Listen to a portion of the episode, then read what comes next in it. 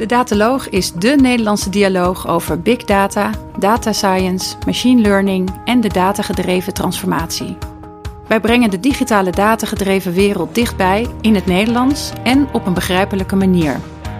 De Dataloog verbindt data scientists, consultants, technologiebedrijven, onderzoekers met elkaar.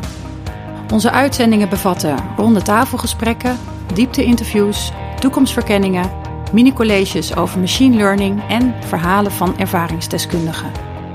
We zijn onafhankelijk van welke leverancier dan ook. Van ons hoor je het echte verhaal, de ruwe data.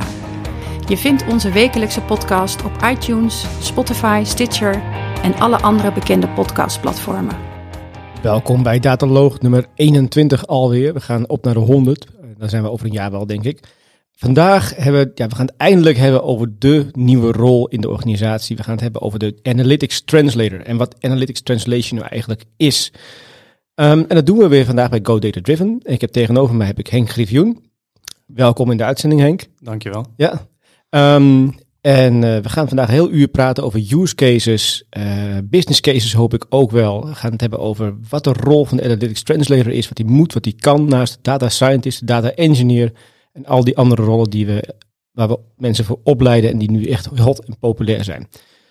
Dat is vandaag. Lex is vandaag afwezig. Die had ik uh, gemaild, joh, waar ben je? En die zei, oh, dat, ik, dat had ik even niet scherp. Nou, dus uh, die heeft een, een, een agenda translator nodig. um, dat desalniettemin, welkom in de studio Henk. En we beginnen altijd met, even met de voorstelronde. Ja, wie ben jij? Wie, ben, wie is Henk Griffioen? Wat is je achtergrond? Wat vind je tof? En uh, brand los. Uh, ik ben Henk Griffioen. Ik ben uh, werkzaam bij Go Data Driven. Uh, ik ben daar lead data scientist. Daar ben ik als consultant en als trainer. Als consultant bouw ik AI-producten en AI-teams. En als trainer geef ik trainingen op technisch vlak, zoals basis beginnende data science met panda's en Spark, machine learning modellen in productie brengen. maar ook trainingen over voorspellende modellen, zoals machine learning en deep learning lead data scientist. Dat is, is dat een andere rol dan een normale data scientist? Ja, toch wel. Is een, uh, voor mij uh, houdt het in dat ik me bezig hou ook met teams. Dus uh, ah. hoe kan ik een team aansturen? hoe werkt zo'n team? Welke processen zijn nodig? Hoe halen we use cases binnen? wat voor platformen hebben ze nodig? Al dat soort dingen.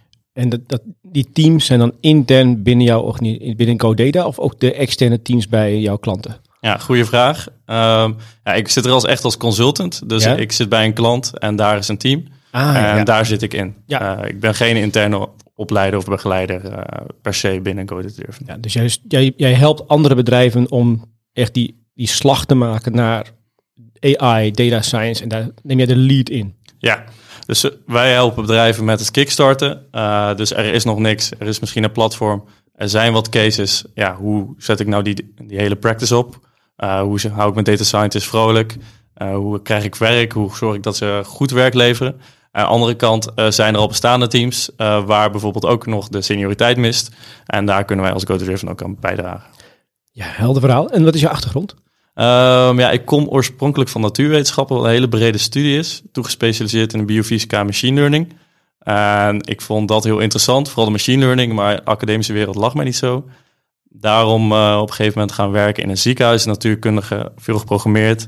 Toen bij een kleine start-up in Utrecht begonnen, uh, in app analytics. Daarna, uh, die werd overgenomen, dus dat werd nog groter. En toen een stap gemaakt naar GoDaddy. Ja, helder verhaal. Tof. Nou, wij, welkom dat je, fijn dat je er bent.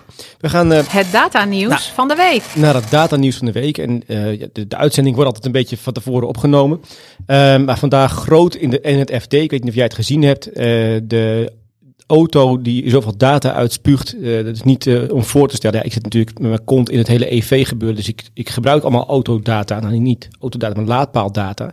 Maar wist jij, uh, Henk, dat er zo ontzettend veel verzameld wordt door de partijen over, jou, over, over de nieuwe auto's? Had ja. je dat door? Ja, het is iets wat wel achter in mijn hoofd meespeelt. Dus denk met alle services die ik gebruik, dus ook je telefoon, dat Google bijhoudt ja. waar je locatie is. En die kan je ook inzien. Uh, maar dat het altijd maar gebeurt en dat ze het altijd maar opslaan, dat is, blijft telkens weer verbazen. Hier, even, even wat voorbeeld. Hè. Uh, rijstijl, BMW slaat een rijstijl ranking op. Ja.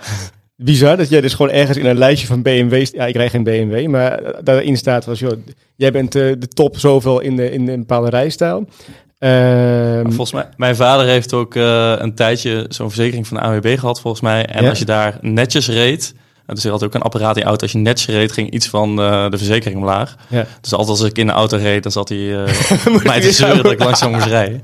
ik, heb, je hebt hier, uh, ik rij heel veel in die, in die elektrische autootjes hier in, in Amsterdam, die cardigootjes. En dan heb je ook zo'n rijstijlmeter in. Die meet je rem, je acceleratie en je, en je hoe lang je constant blijft inderdaad. En dan, soms vind ik het gewoon heel erg fijn om die autootjes gewoon lekker op een flikker te geven. Dat zijn natuurlijk fantastische uh, scheurbakjes.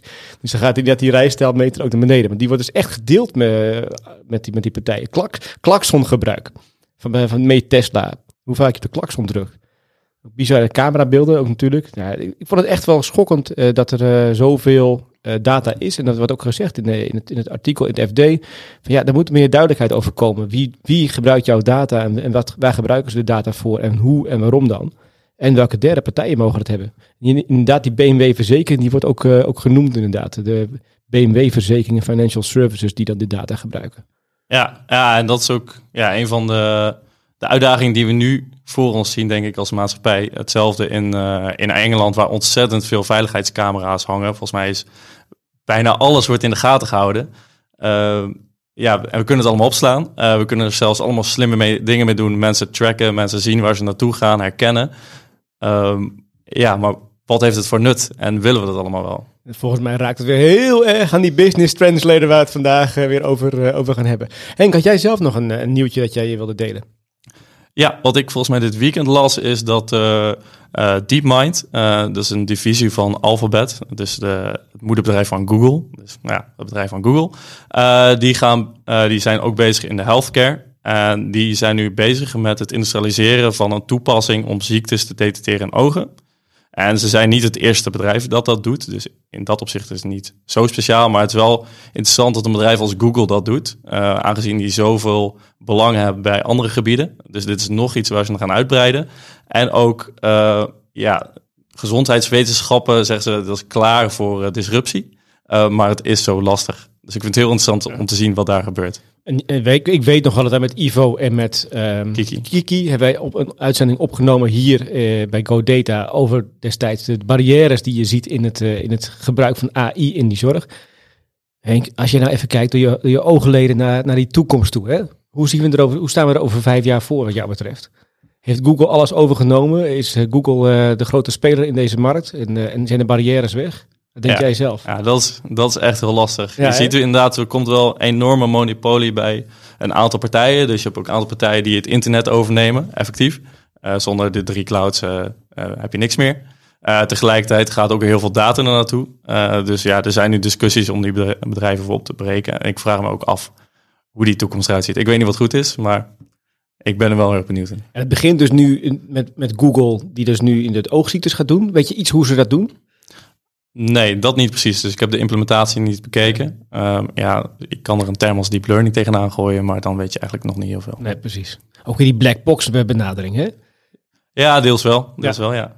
Maar uh, deels van de applicatie was volgens mij wel de uitleg waarom en ook een risico-inschatting. Dus het is niet alleen een, uh, een vlagje dat zegt uh, ziek of niet of deze ziekte, maar ook meer uitleg waardoor het komt.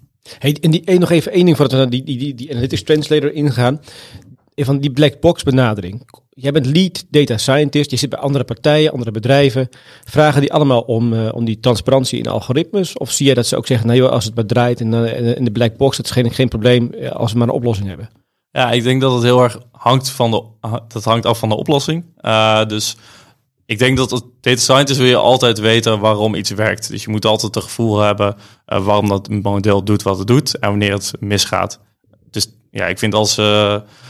uh, als data scientist moet je alles mee bezig zijn. Uh, tegelijkertijd is de reden voor een individu, individuele voorspelling waarom die zo is, is niet altijd interessant. Dat is use case afhankelijk. Uh, bij Heineken zijn we nu bezig met een case over churn, dus klanten die weggaan. En daarbij, om een actie te ondernemen, willen ze wel graag weten waarom iemand weggaat. Dus daar is het heel erg belangrijk bij. Ja. Oké, dankjewel. Nou, dan gaan we nu naar het onderwerp. De Analytics Translator. En even voor, uh, voor diegene die geïnteresseerd is hierin. Ik heb een, uh, een, uh, een document hier van de GoData website hier vandaan. Ik heb nu in mijn handen het whitepaper. Dat heb jij meegeschreven, of volgens mij, de, de Analytics Translator. Ja. En het gaat over de nieuwe rol in de organisatie. Dus de tussen, als ik het goed begrijp, tussen de business en de data scientist in. Ja, Dat klopt toch? ja. precies. Dus wij zien het eh, niet per se als een nieuwe functie, kan ook, maar voornamelijk als een nieuwe rol. En dit is een persoon inderdaad tussen de data, de data experts en de business in. En er zijn verschillende aspecten van die rol. Eh, wij zien hier al drie, eh, als ontdekker, verbinder en een soort van evangelist. Ontdekker is ontdekken van de use cases, van de problemen, van waar moeten we nou aan werken. Eh, hoe kunnen we dat omvormen naar een, goed, een, goede, een goede oplossing? Dus wat is je use case? Welke waarde zit erachter? Tweede is de verbinder. Eh, dus we hebben de experts die heel goed zijn in om een eh, schaalbaar platform neer te zetten, een slimme oplossing te bouwen. Maar tegelijkertijd is het ook de business die die oplossing moet gebruiken en integreren in hun eh, werk. Dus dat is ook niet zomaar gedaan. En het is nogal veel gevraagd om dat allemaal van de data-experts te gebruiken. Dus de ontdekker is degene die, die met, bij de kickstart heel belangrijk is. Ja. Die ervoor zorgt, jongens, dit gaan we doen, hier, deze kant gaan we op. Ja, inderdaad. Het verkenning is 50% van het oplossen van het probleem. En naarmate ik meer in het vakgebied zit, kom ik er steeds meer achter. Het is een cliché, maar eh, het blijft. Eh, maar ja, dus heel goed achterkomen of datgene waar je aan gaat werken nou wel relevant is. En wat het, wat het toe gaat leiden. En precies eh, wat er voor nodig is om daar alvast na te denken, dat is, dat is heel belangrijk. Er zitten ook heel veel latente vragen in een bedrijf. Die weten nog niet wat ze nodig hebben. Ehm, dus we zitten nu bij mijn huidige klant ook. Zitten daar voor bijvoorbeeld vrachtwagens rijden een bepaalde route om dingen te bezorgen. Maar ze weten niet dat ze dat kunnen optimaliseren. Dus als je daar iemand in die, in die afdeling kan zetten die snapt, hey, hier kan ik iets optimaliseren en ik heb wat slimme mensen nodig die me daarbij helpen, dan eh, heeft dat zoveel waarde. De- de- Als ik jou goed begrijp, Henk, zeg jij, wij komen binnen bij een organisatie die, die weet, die heeft het idee dat het beter kan, maar weet nog niet hoe. Ja, En ook weet ook niet wat beter kan. Ja, en eigenlijk zijn we dan al, eh, het, het, het het gevoel wat ik al een tijdje heb in consultie, eh, maar we zijn al wat stappen verder. Vroeger dacht men vooral, eh, we hebben heel veel data. Doe er iets mee. doe er niks mee. Dus volgens mij moeten we een platform bouwen. Ja. En, dat is al stap één. Ja. Ehm, en toen zijn we op een gegeven moment het gaan gebruiken en dan zie je iets. En dan is er een gevoel van, hey, we kunnen slimme dingen doen. Eh, dus nu gaat het al veel meer van, hey, we hebben ergens problemen en die kunnen we slim oplossen. In plaats van dat we vanuit de data of vanuit de technologie denken van, hey, er is hier een tooling en die kan ik gebruiken. Maar het gaat meer om de problemen nu. En die verkenner, die verkennende rol, is dus iemand die dus in die organisatie mensen gaat spreken en over waar kan het nou beter en wat is nou een goede use case om mee te beginnen. Ja, Ja. precies. Ja. Hey, even, even dan even iets dieper erop inzoomen, want dit is natuurlijk super interessant. Er zijn heel veel bedrijven die zeggen, ja, ik wil wel beginnen, maar ik heb geen idee hoe. Wat voor tools gebruik je? Wat voor vragen stel je dan nou eigenlijk? Ja, dus ik ben eh, niet per se de, de expert van de, de Analytic Translator. Ik ben nog steeds meer data scientist dan, dan de translator. Uh, waar wij vooral aan kijken zijn de, de frameworks van design thinking. Dus er zijn heel veel uh, tools die je kan gebruiken om ideeën te vergaren en ook de ideeën te refinen. Zorgen dat ze scherper en scherper worden.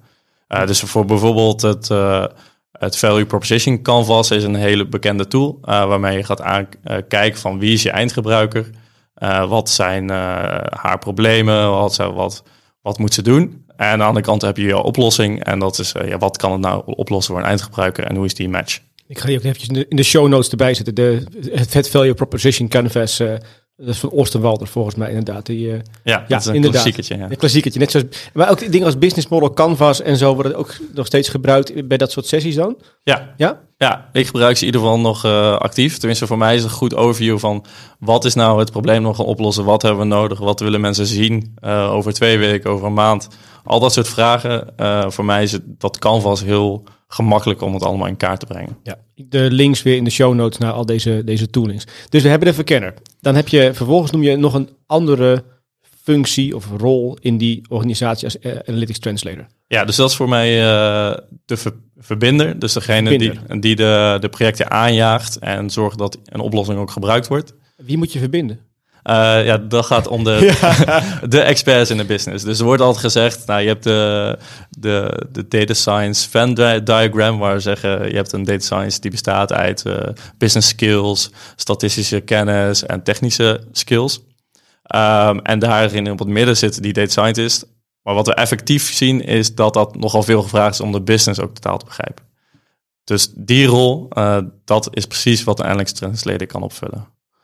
En wat wij dan zien in onze huizenprojecten bij Heineken hebben we een functie consultant. En die is er aan het begin van het traject. Dus die denkt na over de, de use cases. En er zit ook een data scientist bij om te valideren of het wel kan. Maar daarna om te zorgen dat het proces uh, gemanaged wordt. Dus uh, zijn we allemaal op tijd, werken we aan het juiste. Daarvoor is zo'n Analytics Translator heel belangrijk. En die praat natuurlijk ook met IT. Ja, dus hoe, kunnen we aansluiten op die systemen? Dat is altijd een moeilijke discussies, maar iemand moet hem voeren. En je data scientists en je data engineers daarvoor inzetten, dat, uh, dat houdt een keer op. Die mensen die, die willen op een gegeven moment ook werken. Ja. Het is meer een faciliterende rol in dat opzicht. Dus je bent eigenlijk echt een veranderkundige uh, kant zit er ook in. De, de, de soft touch in de organisatie. Uh. Ja, ja, zeker. En dat is zeer belangrijk, vooral in het proces daarna. Dus op een gegeven moment heb je een applicaties gebouwd, een prototype, en die moet dan gebruikt worden. Uh, dat zorgt er altijd voor dat mensen hun, uh, hun werk moeten gaan aanpassen. Er moet altijd iets anders. Dus stel, uh, je geeft die vrachtwagenchauffeurs een betere route, uh, dan is dat heel leuk, maar ze moeten hem nog wel gaan volgen. Het moet nog wel passen in hun workflow. Dus die interactie, die dialoog, die moet er altijd blijven. Dan is er nog één rol, volgens mij. Ja. Dus de verbinder, de, de verkenner, de verbinder en dan... De evangelist. De evangelist. Ja, ik heb alle termen geprobeerd naar het Nederlands vertalen. Uh, even nog even terug naar de, naar de bron. Dit, de, de, deze nieuwe rol komt van een stuk van McKinsey, toch? Ja, ja. ja. dus McKinsey heeft in 2016 al een artikel geschreven uh, over hoe de datawereld aan toe was. En toen zeiden ze, nou, we hebben een, uh, een business translator nodig die dit gat vult. En dat is volgens mij toen een tijdje blijven sudderen. En we merken nu echt dat dit opkomt. Dus wij zijn nu ook bezig honderden analytics translators te trainen bij een groot financieel instituut. Dus je merkt echt dat het, uh, dat het wint aan, uh, ja, dat het idee dat wordt groter. McKinsey noemde het de business translator. Ja. wij hebben er nu van gemaakt, de Analytics Translator. Vroeger, hey, ik, ik, kom uit de tijd van Getronics nog, waar ik dan gewerkt heb als, als database specialist. En KPI'tjes bouwen en dashboardjes bouwen. En dan had je dus de, de, de functioneel ontwerper en je had ook de business analyst. Maar dat is toch een andere rol, hè?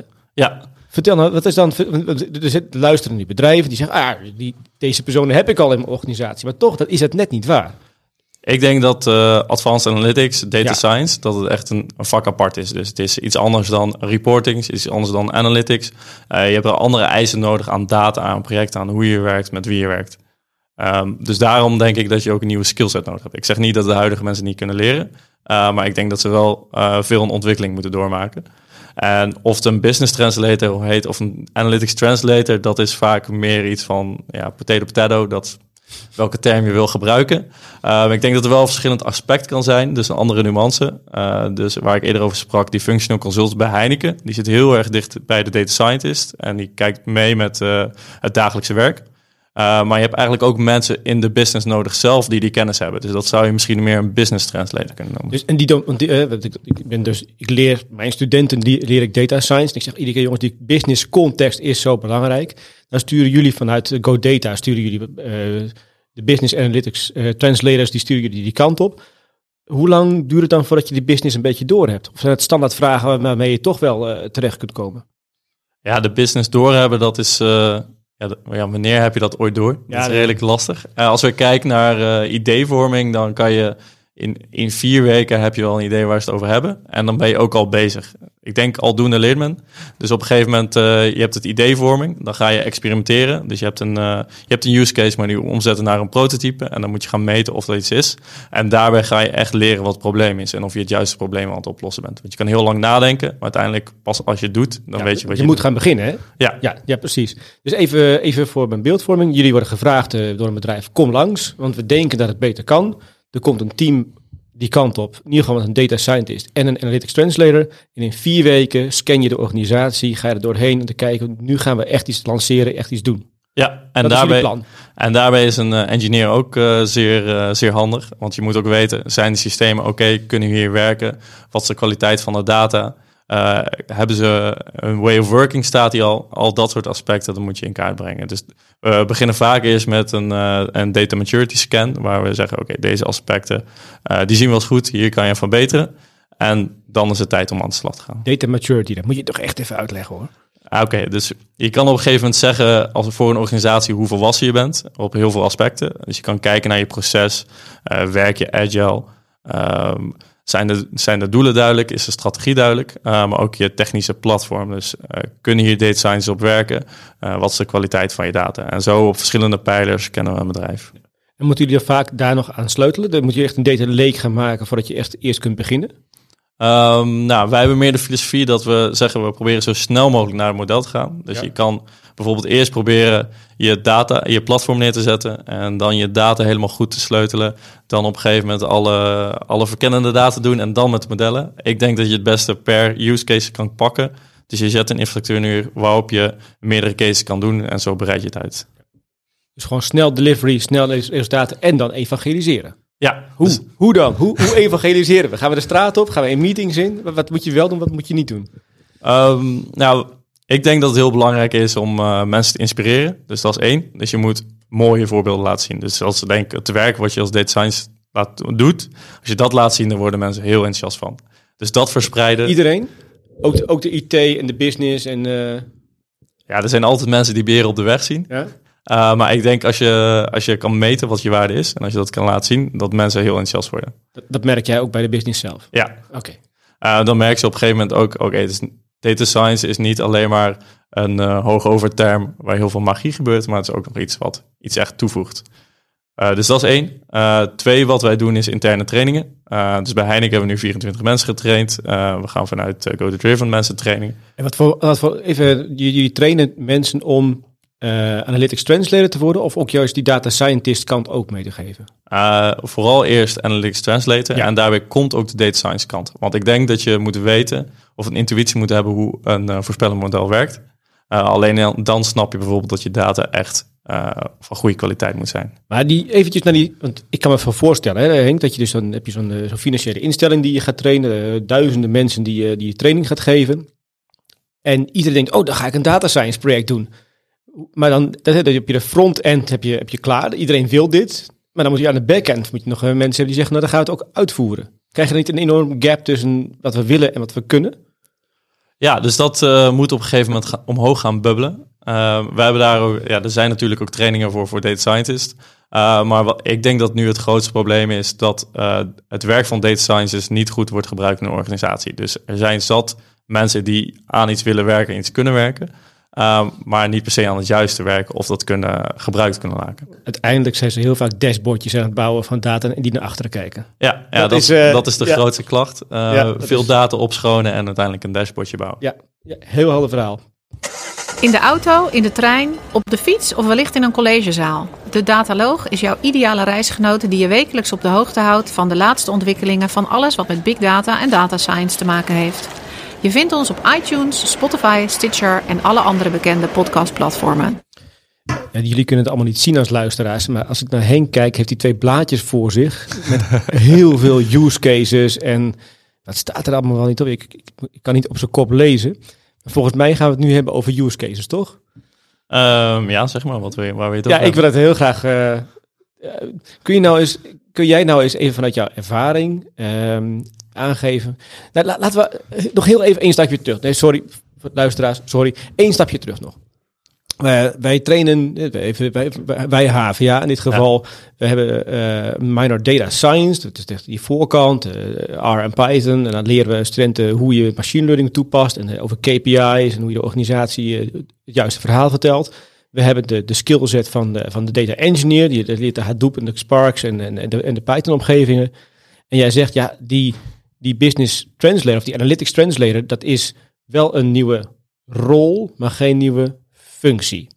Wat moet dan de skillset zijn van zo'n persoon? Wat, wat moet hij dan wel en niet kunnen, wat een, data scientist wel of niet kan en een, data engineer wel of niet kan? Waar, noem eens wat, dingen die die moet kunnen. En die, of misschien juist die die juist niet moet kunnen. Nou, ik denk dat het dus heel belangrijk is om echt de business te snappen. Dus wat is het bedrijfsprobleem? Uh, wie werkt er al mee? Uh, wat gebeurt er allemaal? Uh, daarnaast is er op een gegeven moment moet er ook vanuit strategisch niveau worden nagedacht. Dus wat is belangrijk voor ons bedrijf? En dat is niet altijd waar, iets waar een data science over na hoeft te denken. Um, ook het ondernemend zijn. Dus uh, dat zijn meer de rollen van pro product owner, product manager. Uh, dus een backlog bijhouden, zorgen dat het proces goed loopt. Dat is allemaal heel belangrijk. En, dus, dus gewoon een projectmanager? Ja, sowieso Een, een technische projectmanager. En dat is ook iets wat je ziet in, in Silicon Valley. daar verdienen technische projectmanagers meer dan senior data scientists. En dat geeft al aan dat er, ja, vooral als je en het proces snapt en iets van die technische kant stapt, dat het super waardevol is. Zo, dat hebben we even gezegd. Dus iedereen die heel rijk wil worden, stop maar met je beetje data science PhD, zoals ik zelf.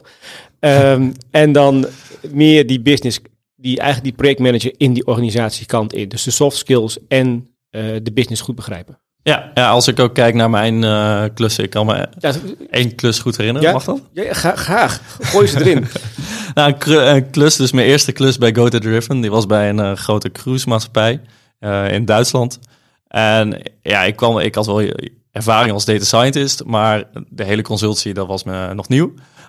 En ik landde daar bij een productmanager en die zorgde eigenlijk al, voor alles van de organisatie. En dat was toen pas merkte ik hoe handig dat is. Dus die persoon wist precies wie me, met wie we moesten praten. Die wisten waar we aan moesten werken. En die wist uh, problemen goed om te zetten naar use cases. Dus precies waar wij aan moesten gaan werken. En dat is zo waardevol. Dus ik hoorde hier al de verkenner en ik hoor de verbinder. Ja. Als die, die jou gesteund heeft als data scientist bij je eerste klus. Ja, ja precies. Zeg je daarmee dat die, dat die, uh, die analytics translator een interne job is? Ja. moet je eigenlijk niet als consultant willen oppakken? Nou ja, ik denk als je, als je nog niks hebt, uh, daarvoor zijn consultants. Ja. Of het zijn experts die een probleem oplossen, of ze hebben een kennis die je nog niet hebt.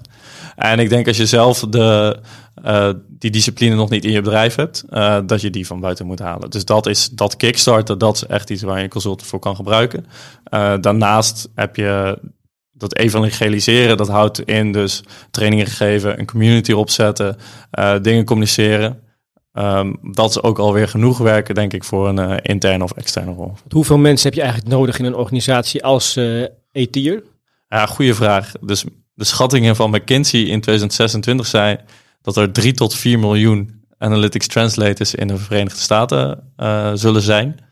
Um, als ik kijk naar Heineken, waar we nu zitten, daar zitten we met 12 data scientists, en drie functional consultants. En die hebben meerdere pet op. Dus niet alleen Analytics Translator, maar ook meer uh, Agile Coach of Scrum, uh, Scrum Master.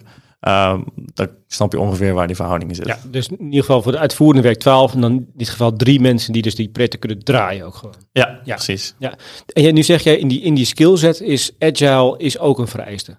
Ja. Je moet je gevoel voor hebben. Ja, maar ik denk dat het tegenwoordig uh, voor iedereen een vereist is. Um, alleen ook het proces kunnen moet je, Moet je gecertificeerd agile zijn of moet je gewoon snappen dat agile gewoon beter is dan waterval? Ik denk dat je gewoon moet snappen hoe je moet werken.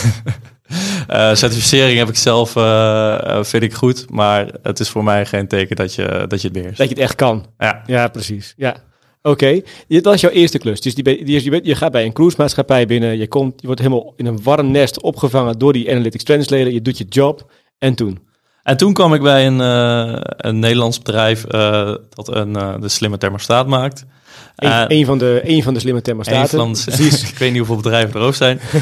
maar daar hadden, had ik een chief product manager. En ja, hij was echt super goed in strategisch nadenken. En op hoog niveau de juiste mensen vinden voor dit product. Dus om het weg te kunnen zetten. En die kwam dus al bij jullie van ik wil hier een onderzoek mee doen. Ik wil hier performance verbeteren. Dit is het project. Ja, dus het project was uh, voor hem wel duidelijk. Dus hij begon ook met, een, uh, met de vraag. Dus mensen hebben een huis, die verwarmen dat. Uh, en die gebruiken energie en gebruiken water. maar hoe kunnen ze nou weten hoe ze die energieverspilling kunnen reduceren? Een duidelijke vraag.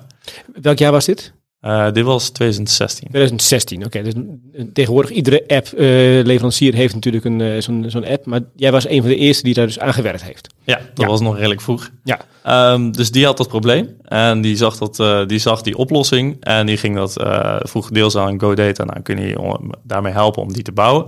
En zelf zet hij hem weg en had er een team omheen gebouwd dat heel erg snel experimenten kon doen. Um, en daar zat ook weer dat design thinking achter. Dus de eerste versie die ik heb gemaakt uh, was ontzettend lelijk in panda's, uh, Python package. Uh, iets aan elkaar geknutseld voor 30 users. En dat ging uiteindelijk naar een Excel. Dus moest ik me handmatig intypen. En daarmee gingen we de boeren op en kijken of mensen hierop zaten te wachten. Even voor diegene die nog twijfelt tussen R en Python. Een van de redenen om niet met Python bezig te gaan is hoe ontzettend lelijk de grafieken zijn. In ieder geval in mijn tijd van de matplotlib, dat is niet om aan te zien. En ik vond ggplot toch altijd net wel een stukje mooier eruit zien. Ah, ik denk dat het tegenwoordig wel mooier kan. Je hebt mooie style sheets, dus als je het een beetje weet, dan kan je het wel aanpassen. Ja, maar, gewoon, maar wat ik nu ook hier hoor hierin, is dus uh, dat een, een product owner of een, of een manager in staat is om een groep mensen te sandboxen. Ja. Je moet speelruimte krijgen. Ja, precies. Dus hij zet ons ook naast de organisatie, wel een aparte divisie, en daar gingen we dat inzetten.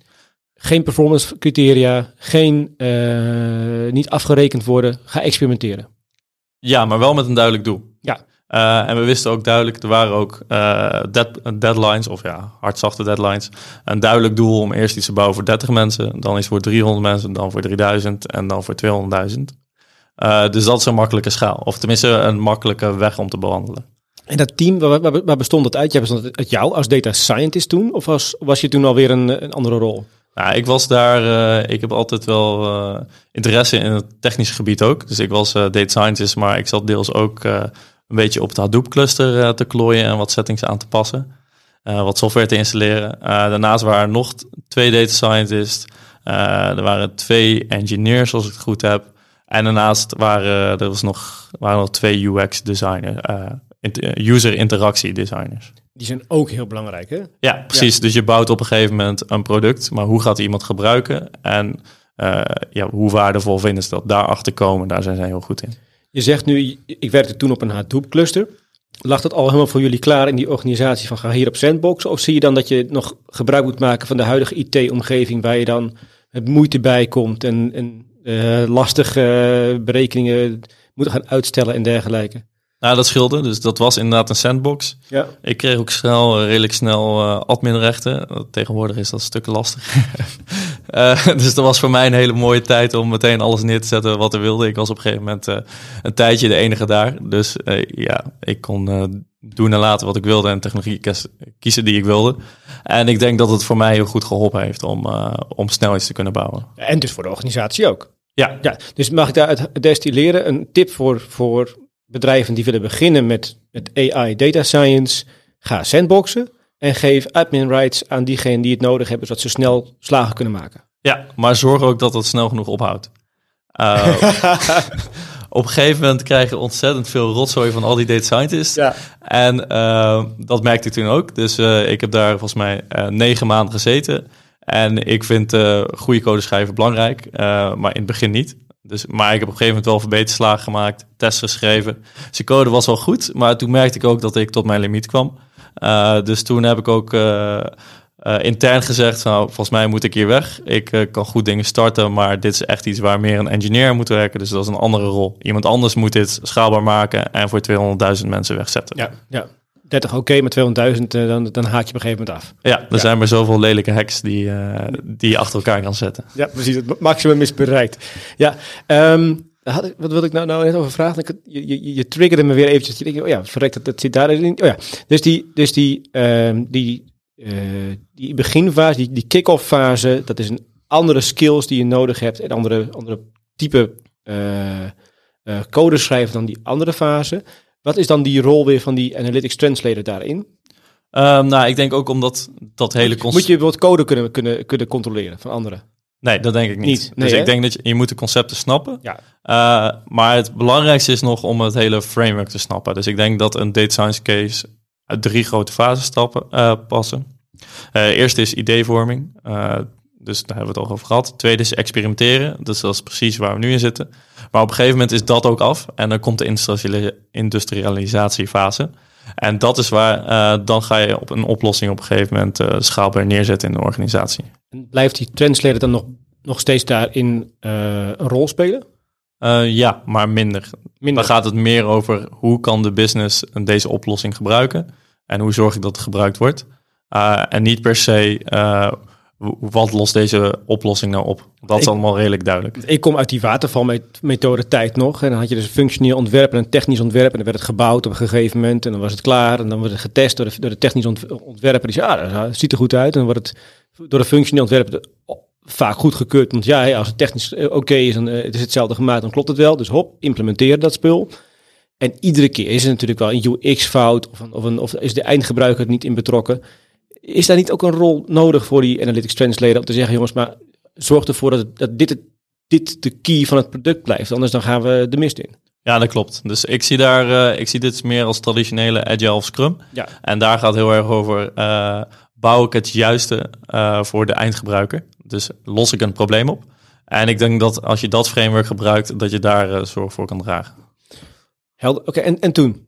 Heb je nog meer cases? het, is helemaal vol, dat formulier. Ja, het staat eh, helemaal vol. Ja, ja ik, ik, heb me mogen voorbereiden. Ja, ehm, ja dus ik, ik heb het al heel veel over Heineken gehad, waar we. Function consultants hebben. Daar hebben we ook zelf gedacht eh, hoe zit dat framework samen met McKinsey? Wat voor rol is er nodig? Dus daar hoef ik het Dat, framework is, ehm, dat, staat hier, dat staat hier ergens in, toch? Ja, dat staat ook in de whitepaper. Even, ik laat er eventjes, sorry voor het geluid, dus hier zie, je het... Eh, uh, 2, denk ik. Pagina 2. Even een stukje terug. Oké, ehm, okay, 4. Ja, ja hier. Dus eigenlijk is het een beetje die, die hele, hele ja, inderdaad design thinking van, eh, God, wie heeft het ook weer geschreven, design thinking? Ja, ik heb het boek gelezen, maar ik weet niet meer wie het is. Hmm. Ik heb hem, ik heb, eh, ik, heb, ik heb hem ook in mijn kast staan, inderdaad. Maar je ziet inderdaad ideation, experimentation, industrialization. Die, die curve, die zie je daar inderdaad eh, ontstaan. Het, eigenlijk een beetje het hele IO-model van, van, van convergeren, divergeren en dan selecties maken. Ga door. Ehm, dus ja, ik, uh, ik weet nog goed mijn eerste bedrijf, dus bij dat, uh, of met, met het tweede bedrijf waar ik werkte in app analytics. daar hadden we ook een product manager die enorm goed was in analytics, tot onze frustratie. want wij kwamen dan met wat resultaten en die kon hij dan zelf in Excel zo vormen dat hij allemaal nare vragen had. maar waar, die, waar die man wel enorm goed in was, ook was om ons te snappen en ons onze oplossing te snappen en dat kunnen vertalen. Uh, wij waren bijvoorbeeld uh, eerst bezig te kijken om schattingen te maken van wie welke app gebruikte. Um, en we hadden daarvoor een panel. Maar we hadden te veel jonge mensen in ons panel. Dus veel mensen tussen 18 en 24 jaar. Dus we moesten iets verzinnen om dat te gaan wegen. Nou, van een klein deel van het panel wisten ze uh, welke leeftijd ze hadden. Dus we konden toen een model maken om dat voor iedereen te gaan doen. En zo aan te passen, die schattingen aan te passen aan de he hele populatie van een land. Nou, dat was allemaal leuk uh, en dat was een succes. Wat wij toen als data science bedachten, hey, we hebben verschattingen voor iedereen van het panel hoe oud ze zijn. Als we dat nou weer op een andere manier aggregeren, dan kunnen we voor elke app zeggen hoe oud de mensen zijn die deze app gebruiken. En dan kunnen we het ook verkopen dus dat was een, ja, vanuit ons een heel goed idee en heel makkelijk.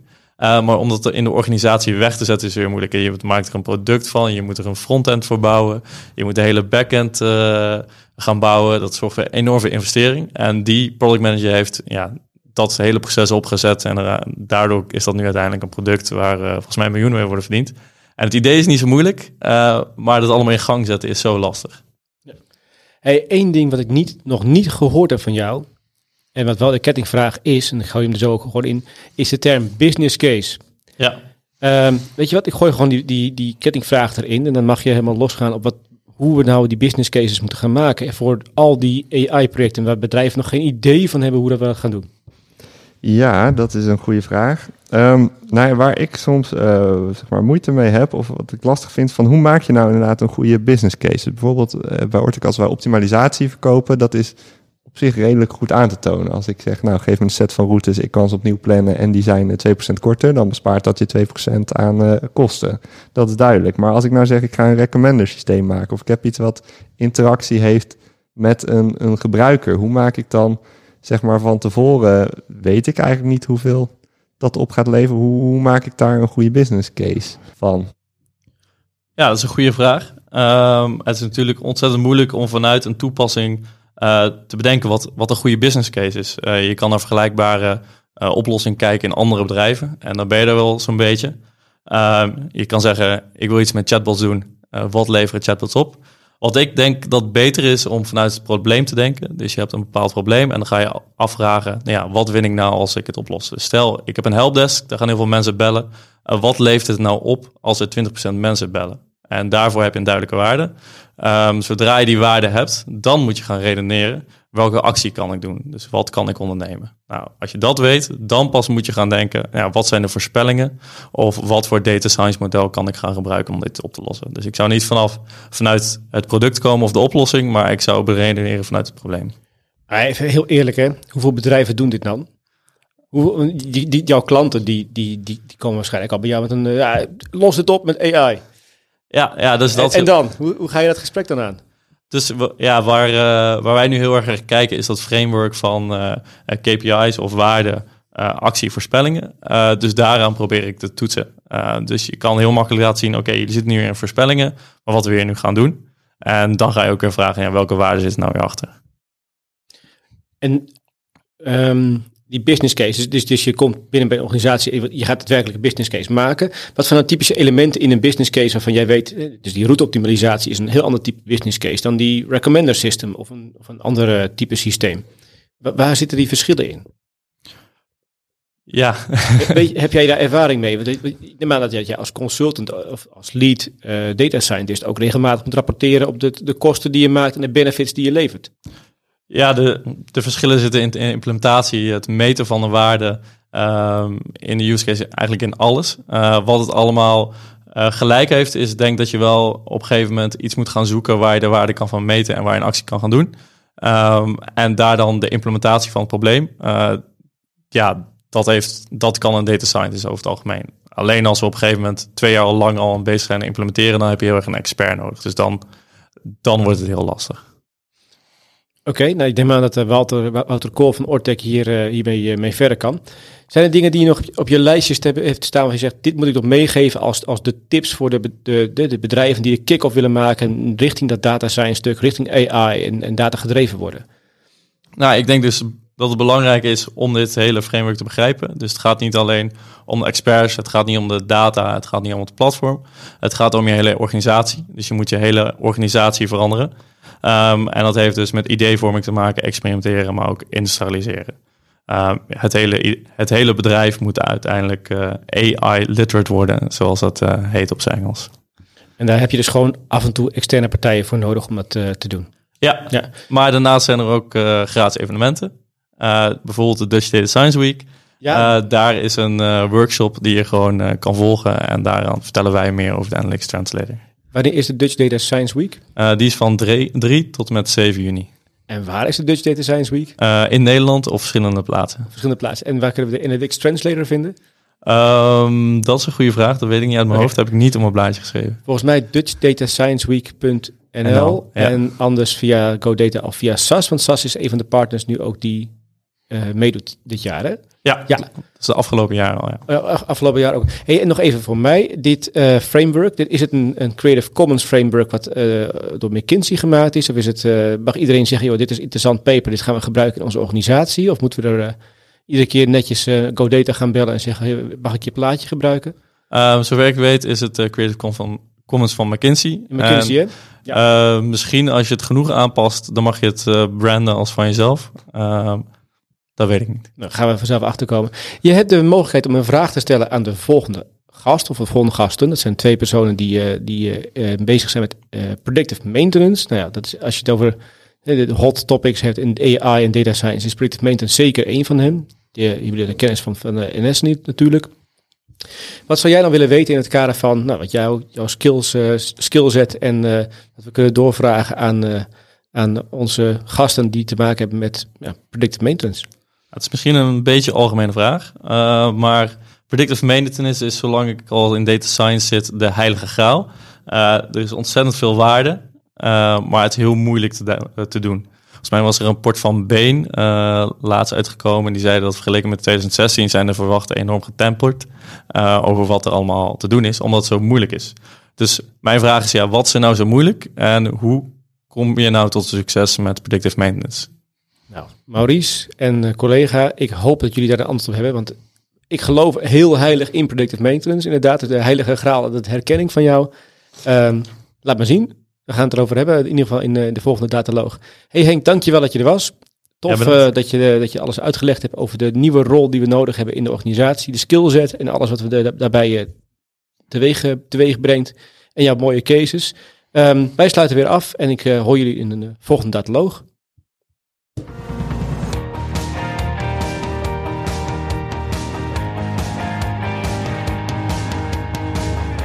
Bedankt voor het luisteren naar deze uitzending van de Dataloog podcast. Wil je automatisch wekelijkse podcast ontvangen? Klik dan op subscribe in jouw favoriete podcastprogramma.